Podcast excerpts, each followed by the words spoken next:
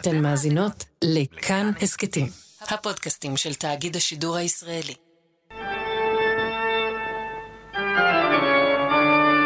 אחרי אסון הכרמל הוחלט על שורה של שינויים במערך הכבאות. אחד מהם היה שינוי סמנטי קטן, להפסיק לקרוא לכבאים כבאים ולשדרג אותם ללוחמי אש. לוחם אש זה לא סתם כבאי ששופך מים על שריפה, הוא לוחם אש. מאחורי שינויים קטנים כאלה בשפה מסתתרים לפעמים עולמות שלמים של קונפליקטים ומורכבויות. בשנת 2015 העוזרים הפרלמנטריים בכנסת הפכו מעוזרים ליועצים פרלמנטריים. אותו שכר, אותם תנאים, אבל הם כבר לא עוזרים פשוטים. מאז הם יועצים. מה ההבדל בין עוזר ליועץ, אתם שואלים? זה כנראה יתברר בקרוב בבית משפט, אחרי שהיועצת או העוזרת הפרלמנטרית של מרב מיכאלי הגישה נגדה ונגד הכנסת כתב תביעה על סכום כסף גבוה. כתב תביעה חריף אה, במיוחד. זה עמיתנו הכתב גיא פלג מחדשות 12. העוזרת הפרלמנטרית, אגב, דוקטור בהשכלתה, אמנם עבדה תחת אה, מרב מיכאלי סדר גודל של ארבעה חודשים, אבל היא מתארת שם מציאות אה, קשה ביותר, ממש התעמרות במקום העבודה. הדוקטור מתארת משימות כמו צילומים פרטיים של הבוסית, לשמור לכיסא בדיונים בכנסת ועוד שורת עבודות שחורות, כאלה שמתאימות אולי לעוזרת, אבל היי, היא באה להיות יועצת. היא כותבת כך: במשך תקופת ההעסקה ספגה התובעת באופן חוזר ונשנה מדי יום ביומו במספר אירועים נפרדים, יחס בוטה, קפריזי, מעליב, מזלזל, מבזה ומשפיל במישור המקצועי והאישי. אז מה קורה שם בכנסת?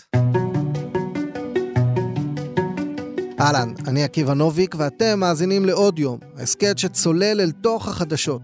תכף נדבר בהרחבה על התביעה הזאת, אבל אם ננסה לשים רגע בצד את התובעת, שהיא דוקטור עם ניסיון של שנים, וגם את מרב מיכאלי הנתבעת, שדווקא ידועה בכנסת כנחמדה, אפילו לבבית, יש פה בכל מקרה עדות מעניינת על אחד ממקומות העבודה הכי קשים שיש בישראל. את התביעה הזאת אנחנו נלמד היום עם שניים שמכירים את התחום מאוד מאוד מקרוב. אה, מתחילים? זאת מירב בן ארי, ח"כית מטעם מפלגת כולנו של כחלון מ-2015 עד 2019, אהלן. אהלן, חברת הכנסת לשעבר. איזה סוג חברת כנסת היית? הייתי אחלה. בבקשה. כן, אלעד, בבקשה. נחמדה.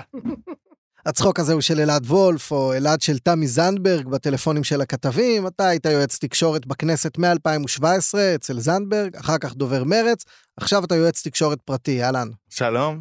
טוב, שנתחיל לקרוא את כתב התביעה? תן לנו את ההיילייטס, את הפנינים של האירוע.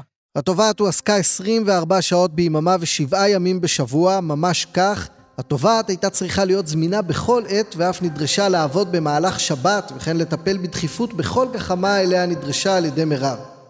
תגידו, זה המצב בכל לשכה? באופן כללי, זה עבודה מאוד מאוד אינטנסיבית. זה עבודה שלא מתאימה לכל אחד, וזה עבודה שהיא מאוד מאוד, אה, מה שנקרא, תלויה גם ביחסים בין הח"כ ליועץ, וכמובן בח"כ עצמו. הרי הפוליטיקה והכנסת זה לחיות האקטואליה.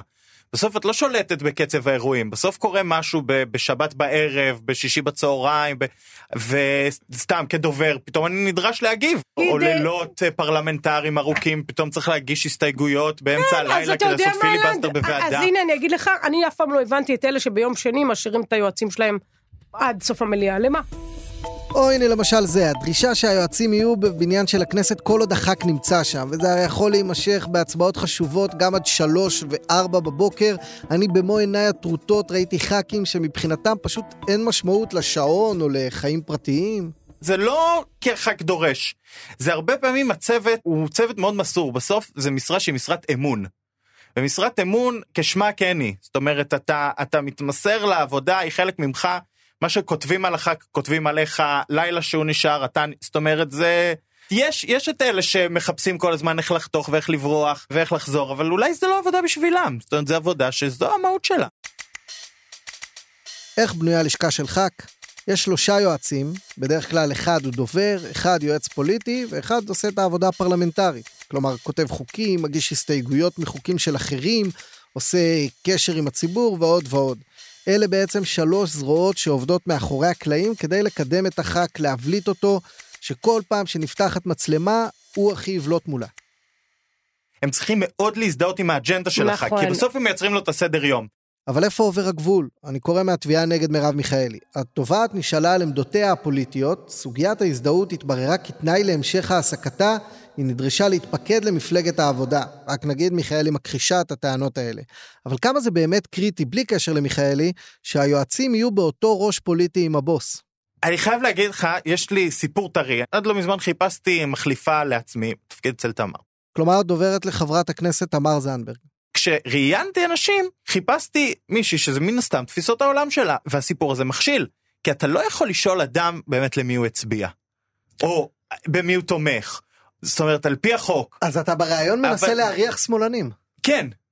זאת אומרת, אני מנסה, אני שואל שאלות מנחות, לנסות להבין את ה...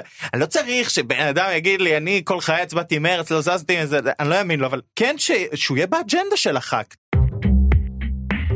כן, זה פשוט לא חוקי לבדוק אם היועץ החדש מזדהה בכלל עם המפלגה או עם הח"כ, אבל בפועל אנחנו יודעים שהרבה מאוד ח"כים כן עושים את זה, כן בודקים, וגם מרבית היועצים באים לעבוד מלכתחילה איפה שהם באים, בגלל ההזדהות שלהם עם הרעיון. יש מקרים אחרים, נניח מעיין אדם שעברה משאול מופז למירי רגב, או אמנון אברמוביץ' שסיפר שנתניהו הציע לו להיות הדובר שלו ב-2009, אבל בשורה התחתונה ברור שכל הח"כים מחפשים יועצים שיראו איתם את הדברים עין בעין. זה צמוד, זה לא ייעוץ כללי. זה בן אדם שאתה מכניס אותו לתוך הבית שלך. הוא צריך להיות ביתך באותו קו מחשבה, לפחות ב-80-90% מהדברים. מה גם שאם אנחנו נכנסים לתוך הלשכה הפיזית, זה די מאתגר. יש בכנסת יותר מ-120 לשכות, רוב השטח מוקדש למשרד של הח"כ, ושלושת היועצים מסתפקים באיזה חדר לא גדול, קטן מאוד. שבו יושבים ממש... קטן מדי. תת תנאים יש ליועצים הפרלמנטריים. מה, וזה לעשות ביחד נסיעות כל היום נסיעות. באוטו. וזה זה באוטו. סדנת יעזה להצלחת הח"כ. תקשיב, בקמפיין הבחירות של מרץ, פעם אחת הייתה נסיעה, כנס שתמר דיברה בו באילת.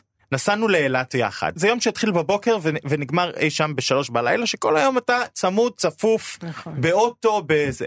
אתה לא יכול להעביר כל כך הרבה שעות עם בן אדם, שאתה לא מעריך, מכבד, מחבב, בטח לא לתת לו את הגב הזה, כן. אין, זה, זה לא אפשרי, זה, זה כל כך אינטנסיבי, זה כל כך צפוף. גם זה נורא כל הזמן נע בין הקו של אתה, הוא הבוס שלך, לבין זה שהוא קצת כאילו גם חבר שלך. חבר חבר, אבל קודם כל הוא הרי בוס. ובכנסת אנחנו רואים את הח"כים בדרך כלל חדים, רהוטים, מוכנים למצלמה, אבל מאחורי הקלעים יש לזה אפקט שב-2021 הוא מאוד מעניין, איך מבליטים את החבר כנסת. אני קורא מהתביעה. התובעת נאלצה לשמש צלמת אישית של מירב במספר אירועים שלא היו קשורים לעבודה הפוליטית, אלא ניתן לאפיינם כבוק לדוגמנות לתמונות אישיות ברשתות החברתיות. בסופו של דבר, גם מה שנקרא האינסטגרם, התמונות האישיות, זה חלק מה... חלק זה מהתפקיד חלק אבל. מהתפקיד, אבל כן צריך לזכור שצילומים של אירועים, אירועי חוץ וטוויטר ואינסטגרם וכביכול זה החיים חלק האישיים, זה חלק נכון. מהדמות. קחו לדוגמה את דודי אמסלם, כל יום שישי הוא מעלה תמונה שלו בשוק, מסתחבק באסליות עם העם, כן. מעלה דגים חריפים שהוא מבשל, אגב, אני אגב, מזיל ריר מזה. הרי זה חלק מהעבודה, בשביל להתקדם בפריימריז. דודי מאמין שהוא יעלה סיר, וככל שהסיר ייראה יותר חריף, ערכו יעלה. למה זה לא חלק מהעבודה? חבר בין הסיר לפריימריז שלו. כמה זה נפוץ, אלעד, שדוברים, יועצים, עושים בוק דוגמנות? אתה רואה שיש איזה משהו בלוז, ואתה יכול להגיד, תקשיבי, תשלחי משם תמונה, זה יהיה פצצה לאינסטגרם, לטוויטר, תעלי. זאת אומרת, זה, זה משהו שהוא ב state of mind שלו זה, הרי אנחנו יושבים על הלוז של החבר כנסת, גם שיש לו משהו אישי, זה בלוז. אתה רואה את התורים לרופא שלו ואתה רואה הכל. אתה רואה דייט, ואז אתה אומר, בואנה, בדייט אולי נשלח איזה נכון. צלם. אז אתה צוחק, אני היה לי מקרה כזה שיצאתי עם מישהו זה, ואז הדוברת שלי אמרה לי, מירב, בחייאת, תעלי אה, תמונה מה- מהמפגש. מה פתאום, אני לא אעשה את זה. יש סיפור יותר מזה, חברת הכנסת מירב בן ארי פעם הביאה דייט שלה לטקס המשואות בהר הרצל, נכון, וזה היה בידיעות אחרונות ברכילות, אבל בלי תמונה. ואחד הכתבים, לא נגיד שמות, קוראים לו עקיבא, ראה בטלוויזיה וזיהה את הדייט, ואחר כך זה היה במדור הרכילות. זה שהדלפת? לא אמרתי. אני לא מאמינה. מה עלה אגב בגורלו של הדייט? נשאר בהר הרצל. יש אבל עוד חלק בעבודה של עוזר ח"כ שכל מי שעובד בכנסת מכיר, אני אקריא, להתייצב בהזדמנויות שונות למקומות שונים, זמן רב טרם התכנסה האספה או הישיבה, בכדי לתפוס כיסא בעל זווית מתאימה למצלמות התקשורת. זה אירוע מביך. גם בשדולות וגם במקומות היו מגיעים היועצים, והם היו מתיישבים בכיסא, ראית את זה? בשביל לשמור מקום, כן. וזה אה, לדעתי זה מביך. מביך ומיותר. אגב, בליכוד זה היה טקס בישיבות סיעה, מי יתפוס את הכיסא לב נתניהו. כן. אני הייתי מצד אותם, טוב. איוב קרא שולח יועצים כן, שעה לפני, כן, כן. בסוף בליכוד הם החליטו לשים, קורן, החליטו ו- לשים פתקים עם שמות והיה כבר כן, קרב שעה לפני כן, מי שם את הפתקים. כן. עוזר צריך לריב לא. עם ח"כ על מקום. אני הייתי רואה יועצים, הייתי אומרת להם, סליחה, הח"כ שלך לא מגיע, תחכה בצד. מי ש... אם הגיעו חברי כנסת, שהם ישבו. כל הזמן היה לנו את זה. אז אולי באמת צריך לכתוב ספר הדרכה לח"כים, מה נחשב קידום לגיטימי, פעולות כדי שהח"כ יהיה בכמה שיותר צילומים, ומה זה סתם סינג'ור לא מכובד. כי הנה אני ממשיך לקרוא, התובעת נדרשה השכם והערב בניגוד לדין לבצע משימות שאינן נוגעות למילוי התפקיד אצל מירב. היא גם מצטטת מהחוק שקובע שהיועץ לא יועסק לצרכים אחרים. רוצה לדבר על צרכים אחרים?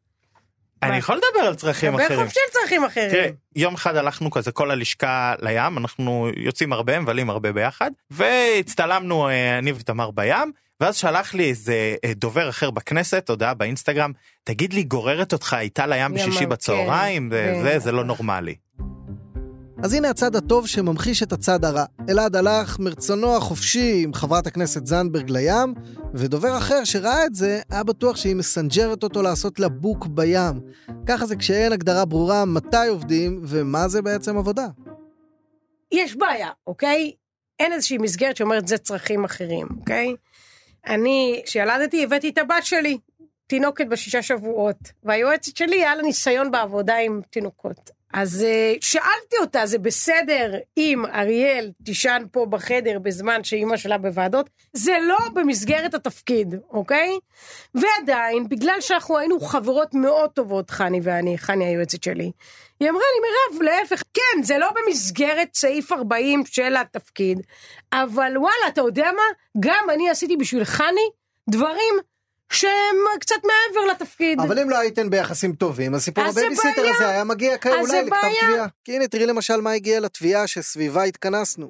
קפריזות שהיו נשלפות באופן פתאומי לפי מצב הרוח. למשל, להביא למירב מלחייה כדי שתוכל להמליח את הסלט שחתכה בכנסת. נו, אז מה? היא הביאה לה מלחייה, מה קרה? לא יכולים להיות יחסים רעים בלשכה, דחק. לא יכול להיות. זה לא כמו משרד שהעובד אחרי זה חוזר ומתמרמר על הבוס שלו. זה לא עובד ככה. זה פשוט לא עובד. אגב, אני יכולה להגיד לך שהיה אצלי מישהו שהרגשתי שהוא לא ב vibe עם שאר הצוות, ושהוא כל הזמן ממורמר, פשוט אמרתי לו, תשמע, זה לא מתאים. לא מתאים. פיטרת אותה. ממרמר את הצוות. לא קשור, דרך... לא, אמרתי לו, תקשיב, נראה לי שזה לא מתאים לך להיות כאן. פה יש בעיה אמיתית עם הח"כים, כי כל כך קל להם לפטר ולהעסיק, ואז שוב לפטר. זה פשוט מזעזע מבחינת היציבות התעסוקתית. אנחנו שלושתנו ראינו בכנסת כל הזמן אנשים הולכים עם טופס טיולים נכנס, ואז אחרי מי יודע כמה זמן, עם טופס טיולים יוצא. לי יש בטלפון, נראה לי, מאות יועצים פרלמנטריים שפוטרו עם השנים מהכנסת. אפילו מישהו דירג פעם את שיאני הפיטורים. במקום השני חולקים אותו אה, שלושה חברי כנסת. חברת הכנסת מירי רגב מהליכוד שהחליפה תשעה עוזרים בשנתיים, זה קצב של אחד כל שלושה חודשים. גאלב מג'אדלה עם תשעה ואנסטסיה מיכאלי עם תשעה אה, עוזרים שהוחלפו. זה ממש אה, דלתות מסתובבות, זה, זה הופך אה, לשכה של אה, חבר כנסת גם לתחנת רכבת, זה הרי באמת באופן אמיתי אי אפשר לעבוד כך. זה נכון. יש קצב פיטורים מטורף. מטורף. העובדה שזו משרת אה, אמון, כן. ולכן אפשר להביא עובד בקלות ואפשר לפטר אותו בקלות, כן. היא גם אישו. בסופו של דבר, אני מכיר חבר כנסת, אני לא אנקוב בשמות, שיום אחד העסיק עוזר חיצוני. ואז העוזר שלו אמר לו, אבל אם אני נכנס, אני רוצה לבחור את הצוות שלך מחדש. בא חבר הכנסת ופיטר את כל הצוות שלו. שלח פשוט שלושה אנשים, מה? שהיו נאמנים לו, גם זאת בעיה. אצלנו בסיעה, הייתי לפעמים, הרבה פעמים לא, לא מזהה כבר אנשים ב- בישיבות סיעה, היה קצב תחלופה לדעתי בשנה האחרונה של שבעה, שמונה, תשעה יועצים. אגב, זה גם מעיד בתוך על הסיעה הלשכה. של שלושה מנדטים. אוקיי, בואו נחזור רגע לתביעה נגד מיכאלי, כי אולי כל מה שדיברנו פה נובע מהקורות חיים המרשימים של היועצת שהגיעה לראיון עבודה בכנסת אצל מירב בסוף השנה שעברה, ותראו מה כתוב עליה בתביעה. התובעת, דוקטור שין א', ילידת 1967, פוסט דוקטורט באוניברסיטת בריסל, הייתה היועצת של חברת הכנסת נעמי חזן לפני כמעט 30 שנה. וואלה, אני מבין למה היא התבאסה להיות עוזרת. זה מתאים לגילאים צעירים, זה מתאים לאנשים רווקים גם מהתפקיד הזה. חבר כנסת שמסוגל להבין שמדובר ביועץ, חבר כנסת, הוא משדרג את כל הלשכה שלו. ואותו דבר אותו יועץ, אם הוא אומר לעצמו אני יועץ ולא רק עוזר, הוא גם משדרג את המעמד שלו אוטומטית, אבל צריך להבין שבחלק מעבודת הייעוץ זה גם לעזור לח"כ שלך להצליח. להיות עזרה- העוזר. בדיוק. זה לא דבר נורא. תשמע זה עוד פעם זה הם יועצים. הם לא עוזרים, הם יועצים, הם שם בכל החלטה, בכל דבר. ח"כ שלא יודע להשתמש ב, ביועצים שלו כיועצים, והופך אותם רק לעוזרים, לעוזרים. טועה. את כל הפרק ששמעתם עכשיו בנינו אמנם על סמך כתב תביעה מסוים, ראינו שורה של טענות נגד מרב מיכאלי, אבל צריך להדגיש שהיא כופרת בכולן. ההאשמות כנגדי הן שקר מוחלט ואין להן כל שחר, היא מסרה. כשקיבלתי את הגברת לעבודה כעוזרת פרלמנטרית, ידעתי שהיא אינה תואמת את הפרופיל הרגיל של מי שנחשבות ונחשבים מתאימות לתפקיד זה. בכל זאת קיבלתי אותה לעבודה בלב חפץ, כי התרשמתי שכישוריה המקצועיים הולמים, ורציתי לתת לה הזדמנות הוגנת. לצערי, תוך שבועות ספורים התברר לי שטעיתי. היא סירבה לבצע את המטלות הדרושות במסגרת תפקידה, ולכן נאלצנו להיפרד לאחר תקופה קצרה. אומרת מרב מיכאלי, כל ניסיונותיי להיפרד באופן המכבד ביותר ולהקל עליה נהדפו על ידה, וצר לי על כך. אני מתייחסת בכבוד ובהוגנות לכל הנמצאות והנמצאים בסביבת העבודה שלי, לרבות יועציי. איך שלא תסתיים התביעה הזאת, אני אישית בטוח שזה לא יגיע לבית משפט, אבל יש פה שיעור חשוב על האבולוציה בכנסת, על הברירה הטבעית. כי המצרך הכי יקר לחבר כנסת זה יועצים ותיקים, עם קשרים, מומחיות, ניסיון, והדרך לגדל אותם היא פשוט להיות בוס טוב. אבל כשהתנאים קשים, והגבולות לא ברורים, והמשימות, איך נאמר, לפעמים לא מכבדות, אז התוצאה היא תחלופה גבוהה, יועצים בלי ניסיון, ולפעמים, כמו שהמקרה של מרב מיכאלי מדגים לנו, שידוך כושל שמגיע לגירושים מכוערים. הגיע הזמן להיפרד כידידים. תודה רבה לדניאל אופיר וניר גורלי שערכו את הפרק הזה. תודה. רחל רפאלי עיצבה את הפסקול, תודה לך, ותודה גם למאיה מרקסון והדר רשתי שסייעו בהפקה, תודה לכן. יש לנו עוד המון פרקים, גם של עוד יום, גם המון פודקאסטים מעולים. כנסו לדף של כאן הסכתים בפייסבוק ותראו ישועות. אני עקיבא נוביק, בשבוע הבא נהיה פה שוב עם עוד פרק.